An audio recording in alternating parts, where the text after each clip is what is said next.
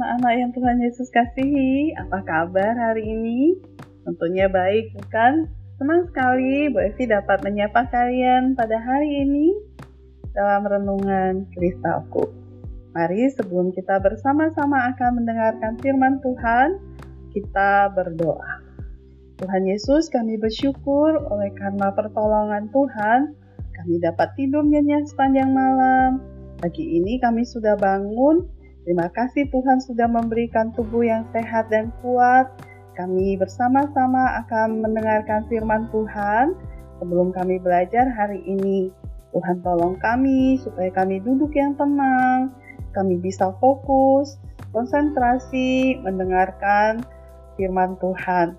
Kami mau hormat kepada Tuhan, ibadah dengan sikap yang baik. Terima kasih Tuhan Yesus, ini doa kami. Demi nama Tuhan Yesus, amin. Pembacaan firman Tuhan pada hari ini dari kisah para rasul pasal yang kedua, ayat yang pertama hingga ayatnya yang ke-12. Demikian firman Tuhan, ketika tiba hari Pentakosta, semua orang percaya berkumpul di satu tempat. Tiba-tiba turunlah dari langit suatu bunyi seperti tiupan angin yang keras yang memenuhi seluruh rumah di mana mereka duduk. Dan tampaklah kepada mereka lidah-lidah seperti nyala api yang bertebaran dan hingga pada mereka masing-masing. Maka penuhlah mereka dengan roh kudus. Lalu mereka mulai berkata-kata dalam bahasa-bahasa lain seperti yang diberikan oleh roh itu kepada mereka untuk mengatakannya. Waktu itu di Yerusalem diam orang-orang Yahudi yang saleh dari segala bangsa di bawah kolong langit. Ketika turun bunyi itu, berkerumunlah orang banyak.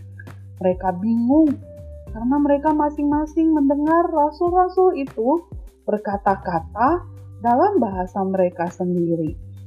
Mereka semua tercengang-cengang dan heran lalu berkata, Bukankah mereka semua yang berkata-kata itu orang Galilea?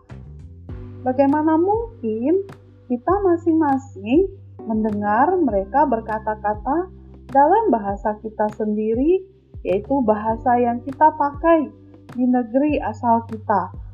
Kita orang Parsia, Media, Elam, penduduk Mesopotamia, Yudea dan Kapadokia, Pontus dan Asia, Frigia dan Pamfilia, Mesir, dan daerah-daerah Libya yang berdekatan dengan Kirene. Pendatang-pendatang dari Roma, baik orang Yahudi maupun penganut agama Yahudi, orang Kreta dan orang Arab, kita mendengar mereka berkata-kata dalam bahasa kita sendiri tentang perbuatan-perbuatan besar yang dilakukan Allah. Mereka semua tercengang-cengang dan sangat termangu-mangu sambil berkata seorang kepada yang lain, "Apakah artinya ini?" Anak-anak yang Tuhan Yesus kasihi, para murid yang disebut rasul, mereka berkumpul di sebuah rumah pada hari Pentakosta. Pentakosta itu adalah hari raya orang Yahudi untuk merayakan awal musim panen pada waktu itu. Tiba-tiba terdengar suara tiupan angin yang keras dan tampak seperti lidah-lidah api di atas mereka. Semua orang di rumah dipenuhi dengan Roh Kudus dan mulai berbicara dalam bahasa lain. Banyak orang Yahudi yang saleh datang dari tempat-tempat yang jauh untuk berkumpul merayakan perayaan itu di Yerusalem. Ketika mereka mendengar suara angin yang aneh di atas rumah, mereka berlari untuk melihat apa yang terjadi.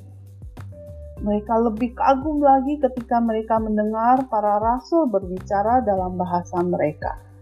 Bagaimana orang-orang ini tahu bahasa kita? Mereka berseru, "Mereka semua orang Galilea, tapi ada orang-orang yang mengejek mereka dan mengatakan bahwa mereka mungkin lagi mabuk.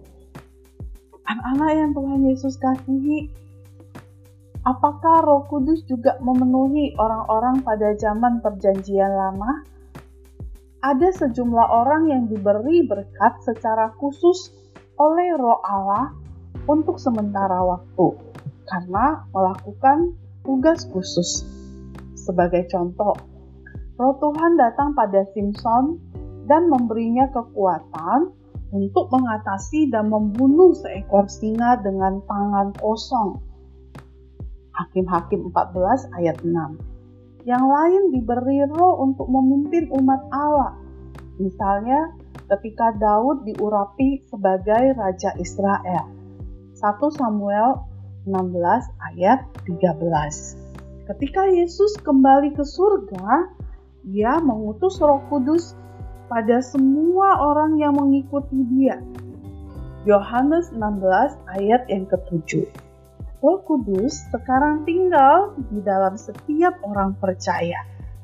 Ketika seseorang percaya kepada Tuhan Yesus, pada saat itu juga Roh Kudus datang dan tinggal di dalam orang tersebut. 1 Korintus 6 ayat 19 katakan bahwa tubuh kita ini adalah bait Roh Kudus. Roh Allah tinggal di dalam diri kita. Oleh karena itu, saya dan kamu harus menjaga tubuh kita baik-baik. Karena tubuh kita ini adalah tubuh tempat Roh Kudus tinggal. Kita tidak boleh makan makanan yang mencemari tubuh kita, yang buat tubuh kita tidak sehat. Kita harus berolahraga.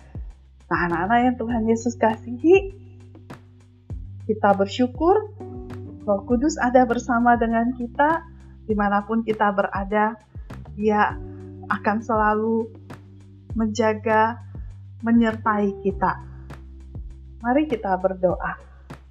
Tuhan Yesus, terima kasih hari ini kami boleh belajar firman Tuhan bahwa kami tidak pernah ditinggalkan sendiri, Tuhan Yesus saat ini ada di surga, tetapi ada Roh Kudus yang tinggal dalam setiap diri kami sebagai orang-orang percaya, yang menyertai kami, yang memberi kekuatan kepada kami, yang menopang kami dalam segala kesusahan, keadaan senang, atau apa pun yang kami alami. Terima kasih Tuhan Yesus, kami bersyukur untuk Roh Kudus yang boleh Tuhan utus hadir di tengah-tengah kami dalam hidup kami. Demi nama Tuhan Yesus kami sudah berdoa. Amin. Anak-anak, ayat emas kita hari ini dari kisah para rasul pasal yang kedua ayat 17. Akan terjadi pada hari-hari terakhir, demikianlah firman Allah, bahwa aku akan mencurahkan rohku ke atas semua manusia, maka anak-anakmu laki-laki dan perempuan akan bernubuat dan teruna-terunamu akan mendapat penglihatan-penglihatan dan orang-orangmu yang tua akan mendapat mimpi. Sampai sejauh demikian pembacaan firman Tuhan kita. Demikian firman Tuhan. Selamat belajar. Semangat. Bersama Yesus, aku bisa.